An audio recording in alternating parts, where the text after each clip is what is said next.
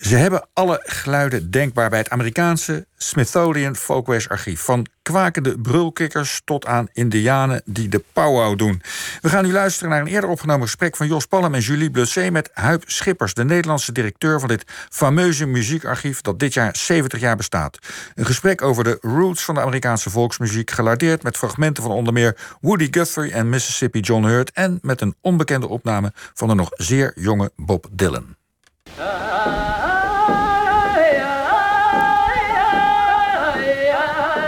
Dit jaar bestaat Smithsonian Folkways 70 jaar. Een Amerikaans platenlabel dat ooit begon vanuit de huizenhoge ambitie om een complete encyclopedie van geluid aan te leggen.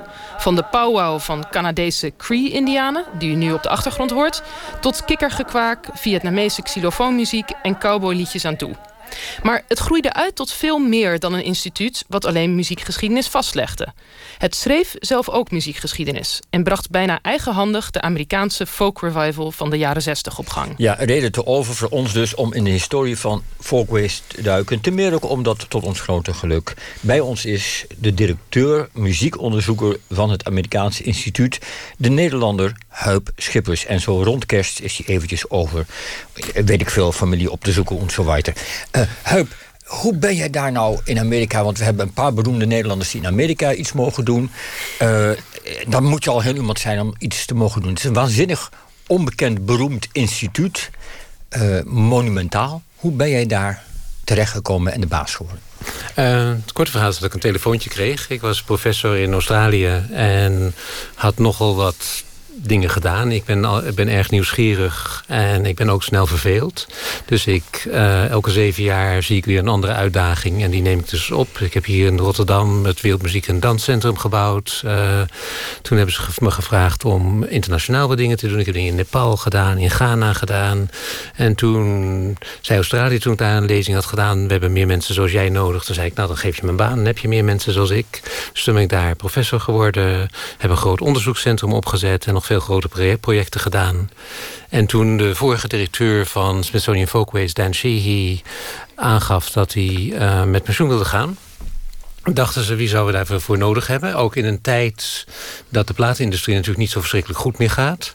En dachten ze misschien moet je iemand hebben die een beetje breed georiënteerd is... en uh, zakelijk gericht en, en, en creatief en ondernemend. En dat is de persoon die tegenover ons zit allemaal? Um, dat mogen ze dat hopen. wordt van hem gezegd, dat, dat, dat, ja. dat, dat, wordt in ieder geval van hem gehoopt. dat wordt van hem gehoopt. Moet je horen, en dat folkways, kende jij dat al? Moeten we ons voorstellen dat jij als klein jongetje... hele dagen naar folkmuziek zat te luisteren of naar iets anders? Wat, wat, wat, wat, wat was er wat er geraakt werd? Ik heb me altijd heel breed. Ik ben de zoon van, van een platenbaas. Dus mijn vader die was labelmanager bij Phonogram en Decca... en uh, deed Deutsche Grammophon en dat soort dingen. Dus ik ben... Uh, Lena en Ludwig en zo. Ja, dus ik ben, ben opge, opgegroeid met uh, ongelooflijk veel muziek om me heen. Uh, heb me toen afgezet tegen de klassieke oriëntatie van mijn ouders... door Indiase klassieke muziek te gaan studeren vanaf mijn zestiende. Net nadat de wierook en de hashdampen opgekomen waren van, van uh, de jaren zestig. En hebben toen in de sitar gestort. En op Folkways en de, de labels zit nog wat sitarmuziek. Ja, laten we meteen eventjes luisteren naar wat jij misschien toen wel ook op jouw uh, kamertje hebt zitten beluisteren in de jaren zeventig.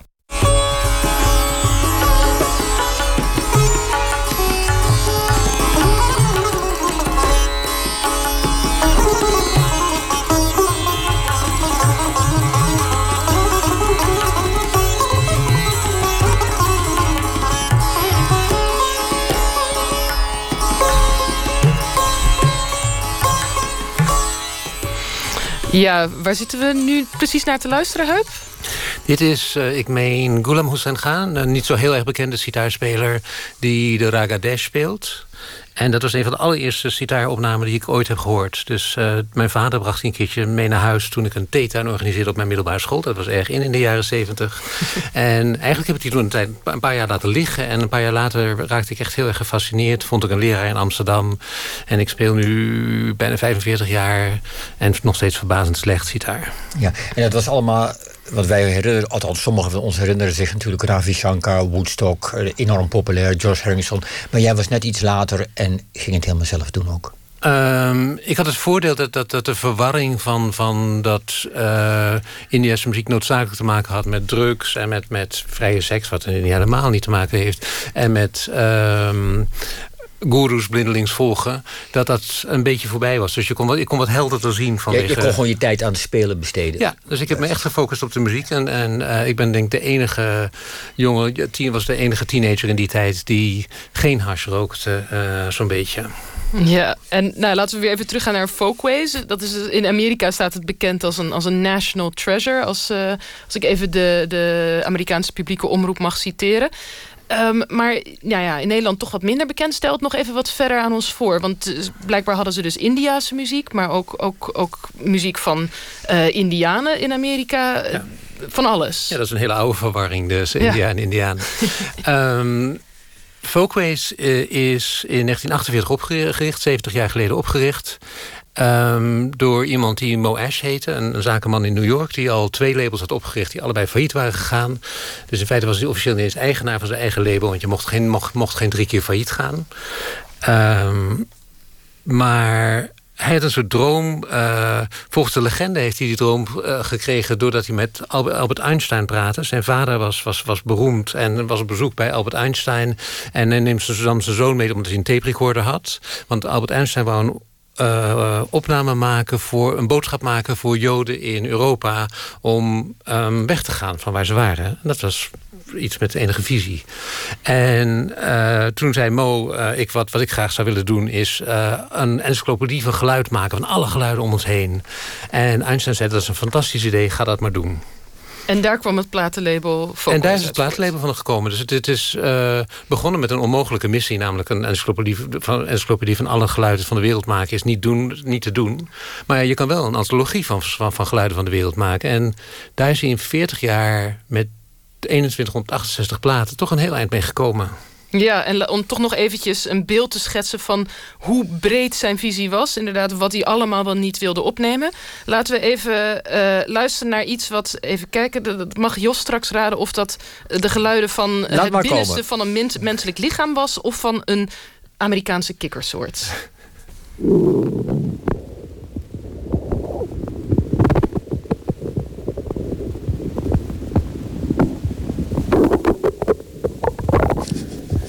Ja, Jos, was dit de paringszang van de Southern Leopard Frog? Of, of waren dit de stethoscoopgeluiden van de ingewanden van een normale hongerige man die een sigaret rookt voor het avondeten? Mijn indruk is dat het uh, een mens in moeilijkheden is op een heel, op een, in een heel klein hokje. Waar die al iets te lang om een bepaalde pot zit. Maar misschien. Ja, nou, het was in ieder geval een mens. Dat had je, dat had je correct. Hype, hoe kijk je hier nu op terug? Deze zucht naar volledigheid? Is dit naïef of. of uh, ja? de, de volledigheid is natuurlijk niet te bereiken. Een aantal van deze, deze opnamen waren ook gemaakt omdat hij uh, een educatieve missie had. Focus heeft altijd een heel sterke educatieve missie gehad. En hij maakte platen voor het onderwijs, dus inclusief medisch onderwijs om mensen te laten horen hoe dingen horen. Dus dit, dit kan goed gebruikt zijn om uh, artsen te trainen. Dus er zijn heel weinig mensen die lekker achterover zitten met een sigaar... en denken, ik ga eens lekker even naar ingewanden geluiden luisteren... voor de, voor de komende drie uur. dus de, de, de, de, de, de keuze, maar ook de... Um, soms totaal willekeurige keuze voor bepaalde dingen zoals dit. Uh, er is een plaat met uh, het geluid van stemmen waar de uh, stembanden zijn weggehaald. Bij mensen die dus waar de stembanden zijn weggehaald. ook niet iets wat je, wat je gezellig opzet als, als je gasten hebt. Dus... Maar, maar moeten we dit nog voorstellen als een, als een organisatie die zwaar ernstig leidt aan, naar, aan een ziekte, aan volledigheid, drang? Of is het een organisatie die vooral op zoek is naar, naar de meest uitzinnige denkbare geluiden op aarde? Of geluiden die je niet verwacht? Ik denk dat het ergens tussen, tussenin ligt. Uh, dat het tussen die twee, twee uitersten in ligt. Dus uh, hij heeft heel veel merkwaardige dingen opgenomen. Soms ook echt een opdracht. Dus hij wilde, moest, had op een gegeven moment... en dat is het enige niet-echte geluid waarvan we denken dat het niet echt is. Hij had een opdracht om geluiden van, de, van het regenwoud... in het Amazonische regenwoud op te nemen. En dat had hij niet voorhanden. Dus toen heeft hij zelf een combinatie gemaakt... van allerlei bestaande geluiden... en heeft hij zijn douche op zijn, zijn douchegordijn gezet. En heeft hij daarmee uh, regengeluiden van de Amazone opgenomen. Ja, precies. Oké, dus het, nou ja, het creatief, een creatief mens. Een creatief mens. en toch zijn jullie natuurlijk vooral bekend vanwege de folkmuziek die jullie uitgeven. Ehm, niet alleen obscure opnames in het veld, maar ook van bekende muzikanten zoals uh, Woody Guthrie. Laten we meteen eventjes naar een van zijn bekendste nummers luisteren die jullie ook op het label hebben.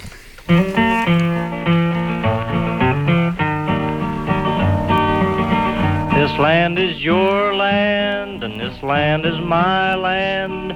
From the California to the New York Island, from the Redwood Forest to the Gulf Stream waters. This land was made for you and me. Ja, This Land is Your Land uit 1940 was dit. Een, ja, een historisch nummer voor jullie label ook, of ja, niet? absoluut. Uh, en een van de weinige echte hits. Want Mo Ash wilde ook geen hits hebben. Dus hij wilde heel bewust wegblijven van, van, van dingen die hits werden. Want daar heb je veel te veel commercieel, veel te veel sores aan en veel te veel commercieel risico. Dus hij is heel bewust kleinschalig gebleven en had ontzettend handige deals om, om uh, kleinschalige uh, oplagen van, van, van LP's te maken. En heeft zich daarmee meer dan 40 jaar staande gehouden. Als je nou die Anthology of American, American Folk Music uit 1952 neemt. We hoorden net Woody Guthrie. Dat is, moeten we ons allemaal liedjes in die sfeer voorstellen? Wat, wat is het? Wat, beschrijf het eens. Wat, wat, wat je kunt tegenkomen horen daar. Het is, het is een hele, hele bijzondere verzameling. En zelfs toen, toen hij uitkwam was het al het geluid van de voorbije tijd. Want de opnames zijn, zijn gemaakt eind jaren 20, begin jaren 30. En terwijl dat in echte tijd niet zo'n ontzettende afstand is... hebben we natuurlijk de, de Great Depression gehad daarna... En de, en de Tweede Wereldoorlog. Dus het had wel drie eeuwen geleden kunnen zijn. En ik denk dat een van de redenen van het succes daarvan... het ook het, het soort terugdenken naar, naar betere tijden. Wat we allemaal hebben. Van, van, was het niet beter voor, voor, voordat de immigranten kwamen? Was het niet beter toen we nog op, de, op alle zeeën voeren? Dus, uh, dus er zit een soort nostalgie uh, daaronder. Maar het was ook tegelijkertijd een erkenning van een soort muziek... die nooit echt, nooit echt naar buiten was gekomen als, als een, een belangrijk muzieksoort. Dus uh, jazz was natuurlijk goed gevestigd. Blues was goed gevestigd. Klassieke muziek was goed gevestigd. er waren eerder, eerder vroege sporen van, van, van van, van, uh, van, van popmuziek. Maar dit soort muziek was, speelde zich af in dorpen en op boerderijen. En op, maar, maar waar hebben we het dan over? Folkmuziek, want iedereen denkt dat hij weet wat dat is. Maar, maar probeer eens aan de hand van een paar voorbeelden te benoemen. Nare, ik, ik, ik, haat definities. Uh, ja, maar ja, is, helaas. Het is, het, is, het, is, het is muziek door, door gewone mensen. En vaak overgedragen zonder het idee dat het populair moet worden. Dus dit, dit is ja, wat, je, wat je ook hoort als je de teksten luistert. Dat, dat zijn heel veel dingen. Het is een soort, soort krant van, van het is de CNN van, van, van, van de 19e eeuw, als je wil. Ja, en, en Jos, jij, jij begon al meteen over de anthology... maar nog even voor wie dit niet ogenblikkelijk iets zegt. Die anthology, dat is in ieder geval jullie, ja, misschien wel waar jullie het trots op zijn als instituut, kan ik me voorstellen. Want dat is een verzameling muziek die jullie hebben uitgebracht in 1952, waarmee jullie niet alleen dus de geschiedenis vastlegden, maar ook zelf geschiedenis hebben geschreven. Min of meer de hele folk revival van de jaren 60 op gang hebben gebracht. Of in ieder geval de grote uit die tijd hebben geïnspireerd. Um, en misschien moet het maar meteen even illustreren met wat muziek. We gaan eerst luisteren naar één nummer van die beroemde anthology van The Bentley Boys. Down on Penny's Farm uit 1929 is dat dus oorspronkelijk. En dan daarna horen we een nummer van uh, ene Bob Dylan... wat er behoorlijk veel op lijkt uit 1961.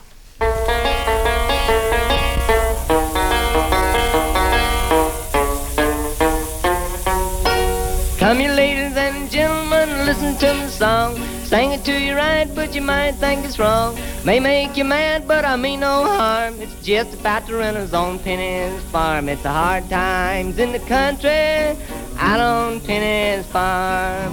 Oh, New York City is a friendly old town. From Washington Heights to Harlem on down. There's a mighty many people in the middle and all around. They'll kick you when you're up and knock you when you're down. It's hard times from the country living down in New York town. Ja, Huip. Ja.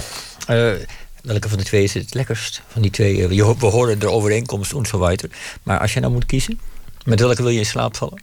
Uh, ik denk de eerste, maar dat, dat komt ook door, de, hoe gewend ik ben aan het geluid van Bob Dylan. Dus ik, ik, ik vind Bob Dylan een ongelooflijk artiest. Maar dus, er zit een soort, soort Uh, maar misschien is dat ook mijn eigen gevoel van nostalgie. Een soort, soort authenticiteit in, in zo'n eerste opname. Uh, een, een totaal gebrek aan pretentie. Uh, die me ontzettend aanspreekt. Als je, als je door die hele antologie heen luistert. Het, het, het is geen muziekje gemaakt van... kijk eens hoe fantastisch ik ben. Wat je zegt, een totaal gebrek aan pretentie. Dat is natuurlijk wel... gewone krijgen we het niet. En tegelijkertijd heeft het toch iets betoverends voor jou. Hoe kan dat? Een gebrek aan potentie? Nee, gebrek, je zegt het is een totaal gebrek aan pretentie. Dat vind ik er zo mooi aan. Mm En het betovert je daardoor kennelijk tegelijkertijd. Hoe, hoe, hoe nee, maar een gebrek aan potentie vind ik een heel, po po uh, heel positief iets. Dus het, het, het, probeert niks anders te zijn dan wat het is. En dat zie ik... Uh, en dat is misschien ook wel wat Bob Dylan zo aansprak in deze muziek, of niet? Waarschijnlijk wel. En de, de hele folk revival is natuurlijk gebaseerd op, op een idee van... we gaan terug naar iets wat natuurlijk is en niet, niet kunstmatig is. En ze hebben um, de Great Depression gehad, ze hebben de Tweede Wereldoorlog gehad... ze zitten midden in de McCarthy-tijd. Dus er, is een hoop dingen, er zijn een hoop dingen mis met de wereld. Eigenlijk niet helemaal ongelijk met wat, wat nu aan de gang is. En... Um, mensen grijpen terug naar, naar een soort puurheid... die, die, die, die ze, denken, die, die ze dan ook waarschijnlijk toeschrijven... aan een tijd waar niet iedereen die puurheid gevoel, gevoeld heeft. Maar je voelt het uit die muziek. Ja. De naam Bob Dylan viel eventjes. En nu schijnt het, nou, ik ergens heb gehoord... dat jullie Bob Dylan ook hebben in jullie collectie... Maar er is iets mee, want hij kwam bij jullie langs... en toen is het uiteindelijk ergens niet helemaal goed gegaan. Nou, hij kwam in 1961 naar New York toe. En je hoorde hem net daarover zingen in 1961. Ja, hetzelfde jaar. Um, en omdat Woody Guthrie zijn grote held was... wilde hij heel graag met Folkways opnemen... wat het label van Woody Guthrie was. Dus hij heeft geprobeerd bij Mo Ash binnen te komen. Hij is nooit tot Mo Ash doorgedrongen. En uh, we hebben dus geen contract aangeboden. Want? Uh, omdat, uh, niet omdat hij, dat hij wist dat hij groot zou worden noodzakelijk... maar gewoon, dit is niet interessant genoeg voor ons. We hebben al genoeg muziek. Uh, we zijn lekker bezig met, an met anderen. Dus het is niet erkend wat, wat, wat het potentieel van, van Bob Dylan was. Ik heb dat nog geprobeerd goed te krijgen. Dus toen hij de Nobelprijs kreeg... heb, ik een, een, heb ik een Facebook-post gezet van... beste meneer Dylan, gefeliciteerd met uw Nobelprijs. sorry dat je in 1961 geen contract hebben aangeboden. Als je nog wil langskomen, willen we graag met, met u onderhandelen. En? Nou, hij was niet zo heel snel met reageren. Maar dat was hij met de Nobelprijscommissie eh, commissie ook niet. Dus ik heb nog steeds hoop. Oké, oh, dus jullie moeten nog uh, wat horen daarover. Maar, maar nu, je hebt nog geen reactie van Dylan gehad. Nee, maar we hebben hem wel op het label. Dus, Vertel, want hoe kan dat dan? Um, voordat hij getekend was uh, door grote platenmaatschappijen... was hij gewoon aan het kijken waar hij dingen kon opnemen. En een van de sublabels van, van Folkways, Broadside... heeft een aantal opnamen van een muzikus... die heet Blind Boy Grunt.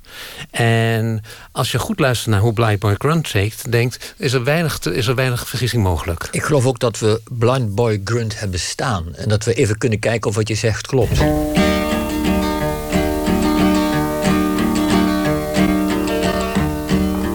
name is Donald White, you see I stand before you all. I was judged by you a murderer, the hangman's knot must fall. Gallows pole when the moon is bright and clear. And these are my final words that you will ever hear. Ja, en, en Huip, jij zei net al, terwijl de, muziek net was begonnen te spelen... zei je van ja, een, een slechte gitaarspeler. Ja, Bob Dylan, is, eh, Bob Dylan heeft natuurlijk helemaal geen mooie stem. En hij, heeft, hij speelt ook niet heel erg goed gitaar. Maar hij heeft iets te zeggen. En wat wel interessant is als je luistert naar die anthology... hoeveel van wat hij te zeggen heeft... een, een, gigantische geschiedenis heeft. Dus mensen denken van ja, jaren zestig... en opeens ontplofte dat in Bob Dylan.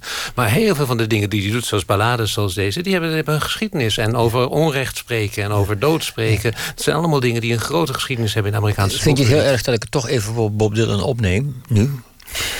Um, want want uh, als je deze opnames hebt, en ik meen dat je dit niet het enige liedje is, jullie hebben er geloof ik nog negen van Blind Boy Grunt. Ja, uh, ooit overwogen en misschien al wel gedaan om dat apart als cd'tje uit te brengen, De Onbekende Dylan?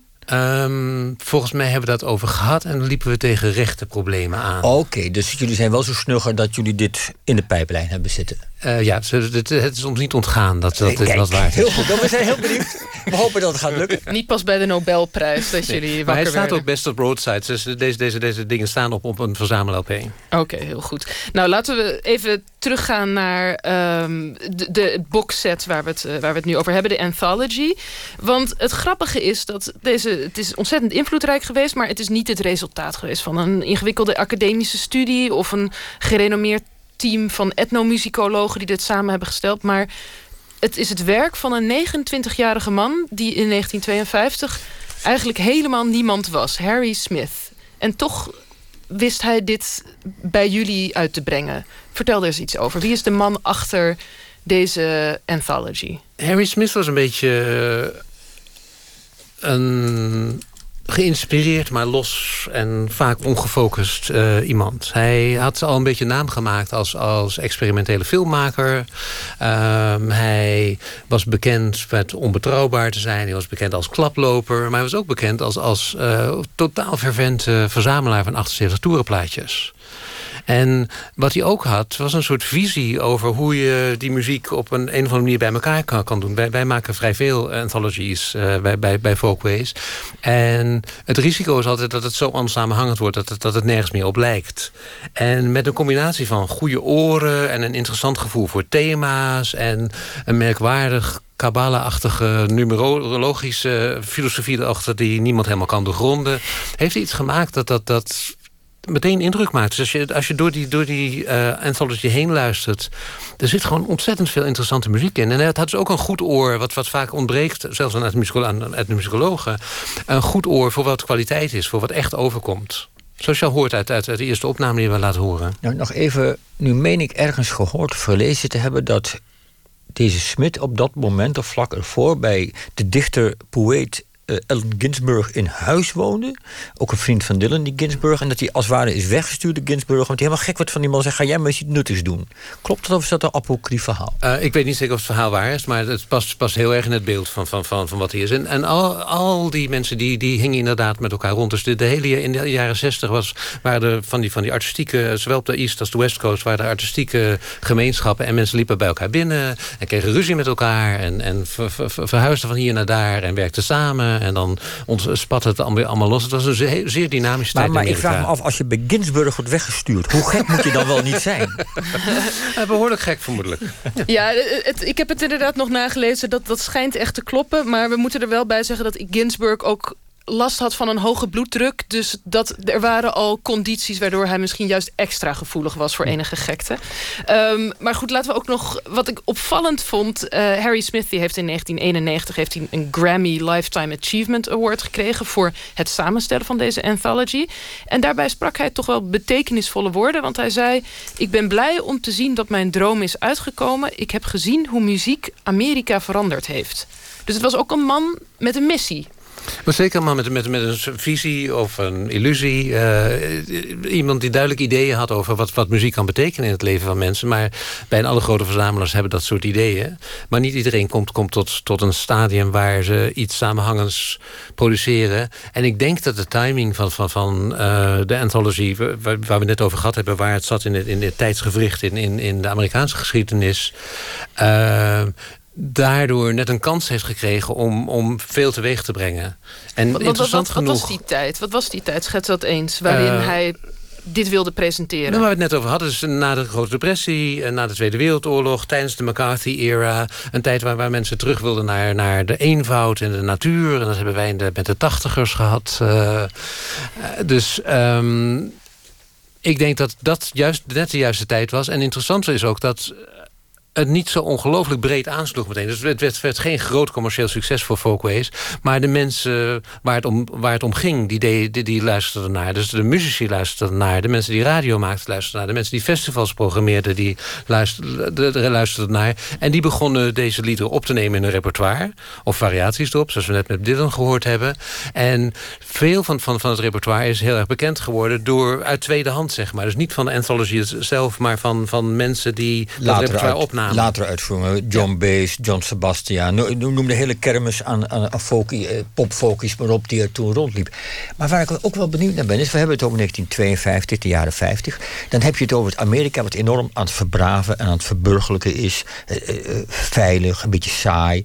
Uh, is het nou, kan het nou zo zijn dat, dat die, die, die artiesten waar we het over hebben, mensen als Bob Dylan en, en alles wat eraan vasthangt, dat die op zoek waren naar de, naar de roots van een Amerika wat nog niet braaf was. Waar, want elke zanger in zo'n dorpje die folkliedjes zong, dat waren vaak de gekken van zo'n dorp of rondtrekkende minstrels, waar, waren ze naar iets op zoek wat, wat niet meer zichtbaar was.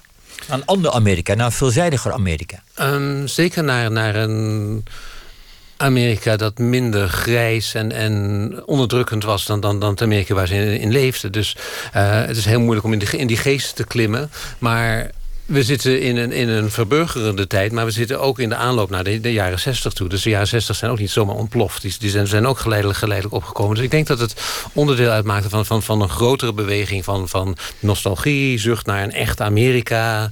En uh, ook het een stem geven van, van de gewone man, wat natuurlijk een, een, een, een probleem blijft. En eigenlijk altijd een thema van, van Folkways is geweest. Uh, maar ook uh, het erkennen dat zwarte mensen een rol spelen in muziek. Uh, wat bijna niet gedaan werd. Dus er, er, natuurlijk waren er zwarte blues, de blues- en jazzmuzici. Maar het feit dat op de anthology zwarte, zowel zwarte als witte mensen gemengd staan... was uh, behoorlijk zonder, zonder voorbeeld rond die tijd. Daar hebben we ook één voorbeeld van, van Mississippi John Hurt. Inmiddels ook een beroemdheid op zich... dat was dus iemand waar niemand van wist... toen ze deze platen voor het eerst hoorden dat hij zwart was, bijvoorbeeld. En dat vond, dat vond eigenlijk vond deze Harry Smith wel leuk om daar verwarring over te zwaaien. Als ja, we vermoeden dat hij dat bewust heeft gedaan. Dus je leest alle, alle de, de, de uh, annotaties zijn heel erg onetymologisch. Zijn, zijn, zijn uh, bijna als telegraafkoppen. Uh, er zijn hele rare koppen die meer impressionistisch zijn dan, dan, dan, dan, dan beschrijvend. Maar nergens wordt genoemd dat, dat iemand een zwarte muzikus is of een witte muzikus is. En ehm, wat, wat, wat wel interessant is, dat Latino-muzici bijvoorbeeld helemaal weg zijn. Die bestaan helemaal niet. Of Aziatische muzici. Dus het gaat alleen om zwarte en, en, en witte muziek. Maar die genres die liggen ook redelijk dicht bij elkaar. En toen mensen het voor het eerst hoorden... wisten ze niet noodzakelijk of iemand een zwarte of een witte muzikus was. Oké, laten we ook eventjes luisteren naar Mississippi John Hurt... en het nummer Frankie van de Anthology. Frankie was a good girl, everybody knows. Paid a hundred dollars for our one suit of clothes. He's a man, and he done it wrong.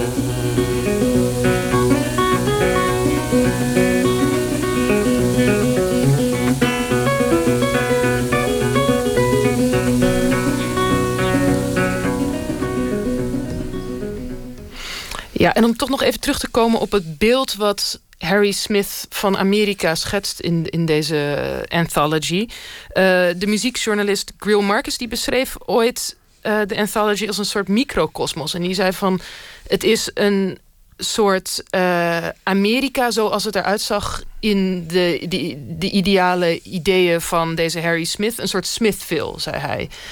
Um, maar die, die Harry Smith, zoals we al zeiden, dat was een beetje een kunstzinnig type. Dus dat was ook niet een heel type... Ja, ik weet niet. Kan je Hoe zag dat de ideale Amerika van Smith eruit? Dat is Hoe eigenlijk de vraag. Eruit? Dat, is, dat, is een, dat, is een, dat is een lastige vraag te beantwoorden. Omdat, omdat Smith zo on, onsamenhangend was... Uh, hebben we eigenlijk niet veel meer dan het geluid van, van, van, en, en, de, en de, de, de inhoud van die, van die anthology... om te zeggen, um, dit is wat, wat, wat hij zag. Maar hij zag duidelijk een Amerika waar iedereen een stem had. Waar, waar uh, merkwaardige verhalen een plaats hebben. Waar niet alles, alles op orde was. Uh, Want waar gaan die liedjes bijvoorbeeld over? Wat voor verhalen worden er verteld? Het, het is een, het is een ongelofelijke um, um, verzameling van, van, van merkwaardige verhalen. Veel mensen, veel liefdesverhalen die eindigen in, in dood, waar, waar mensen vermoord worden. Mensen die vermoord worden zonder liefdesverhalen. Uh, allerlei mensen die niet goed eigenlijk in de samenleving passen. Dus het Smithville-idee. Um, is een heel anarchistische samenleving eigenlijk. Er, er, zit, er zit geen enkel geluid van, van orde of van, van, van, van structuur in. ongecensureerde Amerika, eigenlijk. Ja. Dus en, en, en, prachtig, toch? En vrij logisch als, als, als tegenhanger van, van het McCarthy-Amerika... Waar, waarin En dat uh, allemaal in 83 nummers in een doos, 4 kilo zwaar. En er waren toen nog gewoon LP's, hè? Ja. Ja, ja, ja, ja. ja. En het zijn dus allemaal nummers zoals je eerder al zei, de periode 1927 tot 1932. Waarom eigenlijk precies die vijf jaar? 27, rond, rond 27 begon de opnamekwaliteit echt goed te worden. Dus er waren natuurlijk eerder opnames van, van het eind van, van de 19e eeuw zijn er, al, zijn er al opnamen, maar dat kraakt ongelooflijk en dat is echt heel lastig te horen. Dus tegen die tijd begon opnamekwaliteit een stuk beter te worden. En in 32 uh, begon de grote depressie en stortte de, platen, de, de platenindustrie uh, in. Zoals we nu in 2005 weer gehad hebben om hele andere redenen. Klinkt ook zo mooi, stortte de platenindustrie in. Maar we moeten ons echt, geloof ik, een beetje voorstellen... dat de platenindustrie voor een deel ook gewoon bestond uit hutjes... ergens in de middle of nowhere... waar iemand zat die een plaatje voor je opnam als je wat betaalde, toch? Ja, de, de platenindustrie was, was, was niet uh, Universal, Sony, Juist. Warner uh, in, die, in die tijd. Het, het waren veel kleinere, Particulieren vaak. Veel, veel ja. kleinere bedrijven. En, en, maar dat, tot, dat, tot de jaren tachtig hebben we dat gezien. Dus toen, ik zat er nog in de, in de wereldmuziekbeweging, wat dat ook is.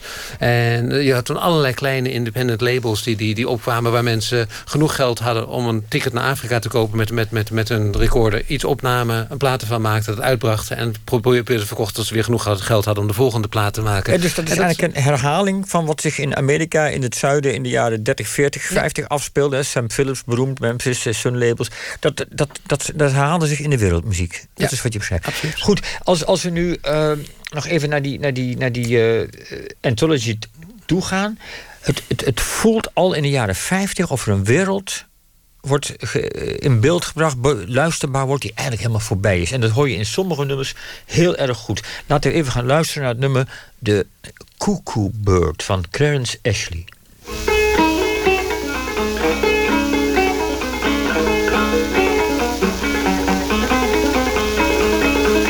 To build me a log cabin on a mountain so high so I can see Willie as he goes on by.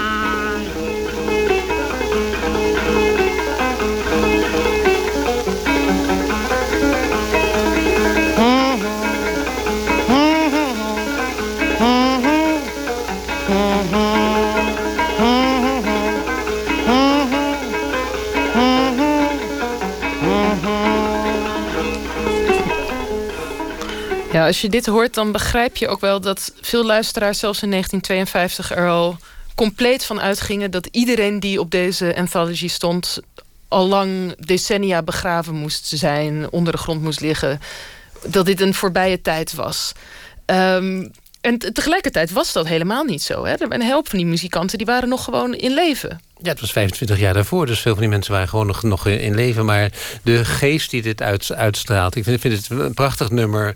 Uh, ten eerste is het totaal verwarrend wat de tekst betekent. Dus het is, het is heel, heel mysterieus. En we weten dat het een, een Schotse voorouder heeft... waar het gaat over een kasteel bouwen op, op, op, op een heuvel om, om te kijken. Maar dat, dat is nog steeds niet duidelijk wat daar gebeurt. Maar ook het de, het onthaasten waar we, waar we het wel eens over hebben. De, het is een totaal onthaast lied. Dus het heeft absoluut geen haast uh, in, in, in hoe, het, hoe, het zich ontvouwt. Het is niet zo.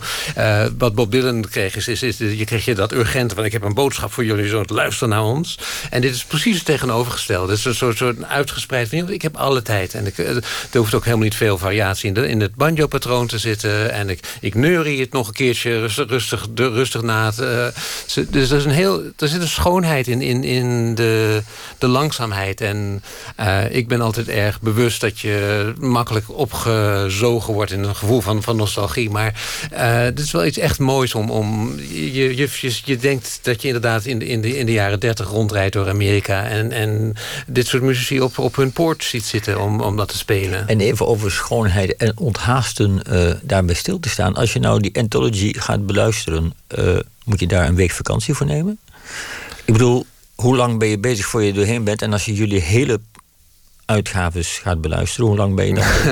we hebben 60.000 tracks. Dus we hebben, iemand heeft een keertje uitgerekend hoeveel weken je daarvoor nodig hebt om alles te beluisteren zonder, zonder te stoppen. Heeft de directeur dat al gedaan? Uh, de directeur heeft dat niet gedaan. De, directeur uh, is. Hoe, iemand... ver is de directeur dan wel? de directeur is, is, in, is, is, in de duizenden, mogelijk niet in de tienduizenden. De directeur houdt heel erg van uh, muziek goed beluisteren in plaats van, van, van en masse beluisteren. Maar de anthology op een of andere manier, je kan zo'n hele CD beluisteren en het, het, het blijft interessant. Want je denkt van god, daar zit weer een andere invalshoek in, een ander geluid, een ander soort stemming in.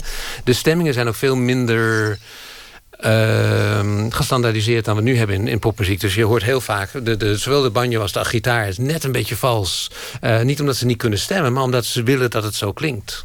En wat ook wel interessant is, je zegt in dit nummer hoor je ook iets wat nog veel verder teruggaat dan de jaren 30. Je hoort misschien wel iets van Schotse ballades, misschien wel nummers die al eeuwen daarvoor al gezongen werden, of niet? Ja, maar alle, bijna alle muziek die we hebben... we hebben zo'n zo raar idee in het Westen dat, dat, dat muziek ergens ontstaan is. Maar als je alle islamitische elementen uit het Westerse orkest weghaalt... heb je ongeveer een triangel over. Dus bijna al, al, al die instrumenten, dus strijkinstrumenten... komen uit de wereld van de islam. Uh, rietblazers komen uit de wereld van de islam. De meeste uh, trompetten komen van, uit de wereld van de islam. De meeste percussie-instrumenten komen daar. Dus we vergeten dat, dat de hele wereld een constante smeltkroes is geweest. En niet alleen nu dat alles heel snel reist, maar tijd, tijden geleden al. Um, de piano komt van de Santoor, die komt uit Iran. Dus er zijn, zijn zoveel veel van, van, die, van die verhalen. En hetzelfde geldt dus met muzikaal geluid en met, met, met, met liederen. Vooral als het mensen de oceaan oversteken. Heeft iemand een viool bij zich? Heeft iemand een gitaar bij zich? Die nemen liederen mee. Die blijven ze zingen omdat ze, dat, dat, dat ze het doet denken aan het, uh, het moederland. En dan vervolgens leren hun kinderen het op een andere manier. Zeggen, ja, maar wat bedoel je met een kasteel? Ik gaat over een long cabin. Want wij, bouwen hier geen kastelen. Dus muziek is ongelooflijk... Uh, fluide in, in, in de manier waarop het steeds verandert van generatie tot generatie. Folkways had een duidelijke missie. En, en de anthology waar we het nu net over gehad hebben, was duidelijk deel van die missie. Namelijk een wereld openbaren van geluid, muziek, die anders verloren gaat. Dat lijkt mij niet meer een missie die je nu nog, waar je nu nog je bestaansrecht aan kunt ontlenen. Want iedereen kan te alle tijden alles horen. Dus uh, wat is nu jullie missie? Is er nog een missie? Het is een beetje veranderd. Dus uh, als je muziek van de Wagogo in Tanzania wil horen... Uh, google je dat en heb je 60 uh, YouTube-clips van de muziek. Zou ik je aanraden. Het is echt hele mooie muziek, de muziek van de Wagogo.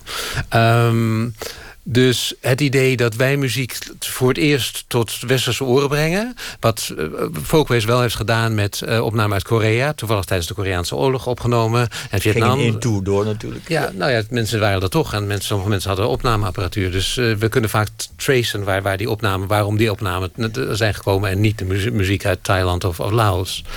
Um, maar omdat er zoveel te krijgen is nu... Uh, is, ons, is onze manier van presenteren een beetje veranderd. Maar eigenlijk erg in de, in de geest van de antologie. Dus wat we doen nu meer is... is wij zijn uh, wat we curators noemen. Wij, wij, wij, heet dat curatoren in het Nederlands vermoedelijk wel. Wij zijn curatoren van, van, van, van, van, uh, van collecties. Dus we brengen nu een, een boxset uit... die heet The Social Power of Music. Waar we duidelijk maken in vier cd's... hoe muziek mensen bij elkaar brengt. En hoe het verandering teweeg brengt. Maar ook hoe het mensen tot feesten aanzet, hoe het mensen tot, tot religie dus, aanzet. Dus jullie zijn als het ware minder encyclopedisch, encyclopedisch bedoel ik, sorry, maar meer beredeneerd aan het uitgeven. Dit doen we daarom en wel om jullie hiermee kennis te laten maken. Ja, gepassioneerd. Maar beredeneerd klinkt een beetje kouder dan, dan, dan hoe we het voelen. Maar we brengen ook bijvoorbeeld... Ik, ik, we hebben cd's uitgebracht van uh, Rahim al-Hajj. Die, um, van wie? Rahim al-Hajj, een, eh, een uh, Iraakse oertspeler... die ontsnapt is tijdens de oorlog. En nu uh, een, een van, zijn, van zijn mooiste cd's heet Letters from Iraq... waar hij uh, oert speelt met een strijk, strijkwintet. En liederen van... Um, op teksten van, van, van brieven uit Irak maakt. Want we willen mensen bewust maken dat niet alle moslims... Uh, mensen zijn die met, met, met, met bommen op hun, in hun rugzakje rondlopen. Dat er ongelooflijk veel mensen zijn die, die met, met een goede reden uh, opnieuw zijn neergekomen. Je, je, laat altijd wat meer zien. Dus maar even een hele domme vraag. Wat is een oet? Een oet is een luid. De al-oet, het, het, woord, het Arabische woord voor, uh, al, van voor de luid, is, is, komt eigenlijk van het Arabisch. Kijk aan. En als we toch nog even verder kijken naar de toekomst... is het nog denkbaar dat jullie ooit weer zo'n invloedrijk werk uit zullen brengen... als de Anthology uit 1952? Of bestaat dat, is, is dat een onzinnig idee? Ik weet niet of het een onzinnig idee is. Ik denk dat het, hetgene wat het dichtst in de buurt gaat komen... Uh, een uh, anthologies die we nu aan het maken zijn... samen met het African American History and Culture Museum... Uh, de Smithsonian Anthology of Hip Hop en Rap. Uh, iedereen zegt folkways en hip-hop. Is dat niet een beetje raar? Zijn we niet een volksmuziek en een wereldmuzieklabel? Maar we zijn eigenlijk een label van muziek van de mensen, door de mensen. Uh, en hip-hop is ontstaan in de vroege jaren zeventig in de Bronx, in een gebied van Amerika waar iedereen, eigenlijk hadden ze opgegeven van, van nou jongens, dat gaat gewoon helemaal niet werken. Er waren gang, gang wars aan de, gang de hele tijd. En op een gegeven moment is daar een, een muzieksoort ontstaan met gebrek aan instrumenten, met, met technologie. En die hebben een vriendelijkere manier van, van, van, van uh, um, uh, je laten, laten zien dat je beter bent dan, dan, dan anderen. En dat is natuurlijk ontploft in iets wat, wat, wat mogelijk de grootste muzikale invloed is, zoals een culturele invloed is gehad, die we, die we in, in, in een eeuw hebben gezien. Dus wij proberen niet de best hits of hip-hop en, en rap te, te, maken, want dat kan iedereen doen. Maar wij proberen echt het verhaal van hip-hop en rap te vertellen door hele vroege opnamen tot aan, tot aan hele recente opnamen. En alle verhalen van hip-hop en rap. Dus, dus uh, het... geschiedenis in geluid van de hip-hop. Ja. Maar dan zodat we snappen waar het vandaan komt. Ja, en dat je snapt hoe het zich ontwikkeld heeft. Hoe, hoe de positie van vrouwen niet altijd even gemakkelijk is geweest. De, de uh, opkomst van gangsterrap. Maar ook de, de, um, de protestliederen die, die, die daar zijn, zijn gedaan. Dus heel veel van de vroege hiphop heeft, heeft een hele sterke boodschap. En wat ik zo leuk vind, Huip uh, de directeur praat hier met evenveel enthousiasme over als over de focus uit de jaren 40 en Dylan. Uh, terwijl je toch ook niet meer de allerjongste bent. Hoe komt dat? Blijf je jong door dit soort werk te doen als het om muzieksmaak gaat? Um, mogelijk. Ik, ik, ik, heb, ik, ik, ik zie me nooit zo oud worden in, in, in, muziek. Dus je, je bent nieuwsgierig of je bent niet nieuwsgierig. En ik ben altijd een veelluisteraar geweest. Toen ik in Amsterdam woonde, ging ik naar één avond naar Purcell toe... en de volgende dag naar Azerbaijani Mugams... en de, dag daarna naar een jazzconcert. Um, er is zo ongelooflijk veel mooie muziek op de wereld. En, en ik, het, is, het is echt een zegen om te kunnen werken bij een label als Folkways... dat zoveel verschillende dingen heeft... en steeds zichzelf opnieuw moet uitvinden voor elke, elke nieuwe periode. En als we je dan mogen vragen om van die nieuwe anthology van hip-hop en rap, waar jullie dus nu mee bezig zijn om die uh, uh, voor te bereiden, is er één nummer wat jij heel graag zou willen voorleggen aan de nieuwe generatie? Je zegt van nou, dat is misschien iets waar als je nieuwsgierig bent naar je geschiedenis, waar jullie naar zouden moeten luisteren om geïnspireerd te raken. Ja, wat, wat, wat mij erg aanspreekt in, in de. Um in de vroege hip-hop is, is ook weer een soort, soort puurheid en, van, van, en, en ongebondenheid aan, aan, aan dingen. Dat was, dat was een stevige hoeveelheid anarchisme in, in, in vroege rap. En uh, ik heb uh, op een recent folkfestival in, in Greensboro in. in uh, in North Carolina heb ik uh, Grandmaster Flash uh, een set zien doen zoals hij die zou doen, hè, gedaan hebben in een park in de jaren 70. En Grandmaster Flash en his Wheels of Steel, uh, de message, wat dus ook de boodschap heeft van, van jongens, er zijn dingen sociaal mis, we moeten hier naar kijken. vind ik wel een heel erg krachtig nummer. En dat, voor mij houdt, houdt dat zijn kracht terwijl het van eind jaren 70, begin jaren 80 is. Oké, dan gaan we daar naar luisteren. Terwijl, we je goede reis naar Amerika terugwensen. Natuurlijk. Precies. En dan kunnen we dus bedenken dat hoe dit ooit is opgenomen... was gewoon één man achter één of twee platenspelers. Uh, en dit is, het, dit is het resultaat. En wie weet komt er weer een hele nieuwe hip-hop revival uit voort als de mensen dit gaan luisteren. Huip Schippers, dankjewel voor je tijd. En wie alle nummers uit dit interview nog eens wil naluisteren in hun geheel... op Spotify hebben wij een playlist aangemaakt onder de naam OVT viert 70 jaar Folkways. U kunt de link op onze site vinden. En zowel de Anthology of American Folk Music als de Anthology of Hip Hop en Rap...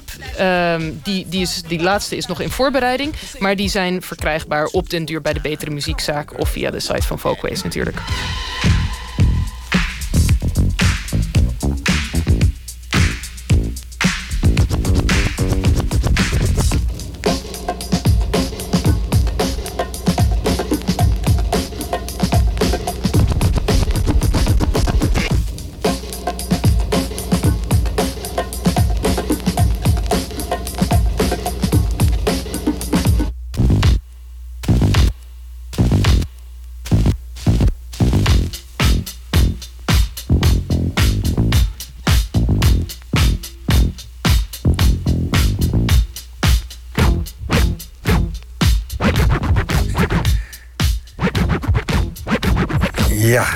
Deze oer-hip-hop klanken zijn we aan het einde gekomen van deze laatste aflevering van OVT van